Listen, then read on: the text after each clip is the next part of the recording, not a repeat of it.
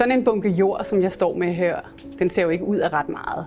Men i den er der faktisk spor, der kan fortælle os nogle historier. Historier om, hvordan københavnerne har levet for flere hundrede år siden.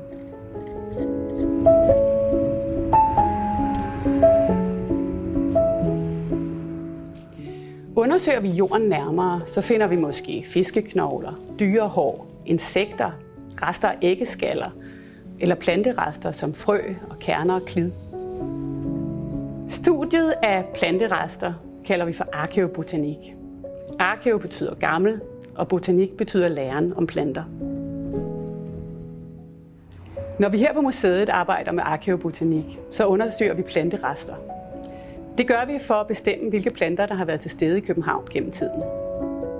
Det starter med, at vi tager prøver ud i de arkeologiske udgravninger. Man kan udtage jordprøver på flere forskellige måder, alt efter hvad det er, man ønsker at undersøge.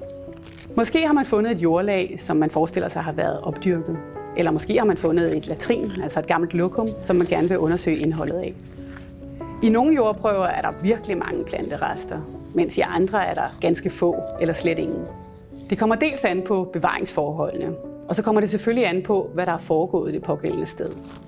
Om man har holdt dyr, om man har dyrket have, eller om man har smidt sit affald ud. Planterester kan fortælle noget om fortidens københavnere og den by, de levede i. Mange af planterne har vokset i byen, mens andre er kommet ind fra landet omkring København eller er importeret fra udlandet. Planterne kan også være med til at fortælle os om, hvad folk har spist, og derved give os viden om datidens kost og ernæring. Vi ved også, at nogle planter har været brugt til andre ting, f.eks. medicin eller dyrefoder. Og så er der også planter, der bare har været til stede som ukrudt, ligesom vi har det i dag, hister her. Man kan jo undre sig over, hvorfor de her bitte små planterester egentlig ikke er helt nedbrudt og dermed forsvundet efter flere hundrede år i jorden. Men i København er der generelt gode bevaringsforhold for frø og kerner i jorden.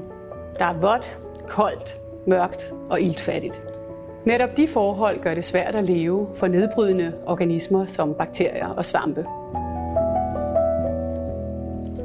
En plante består af flere forskellige dele.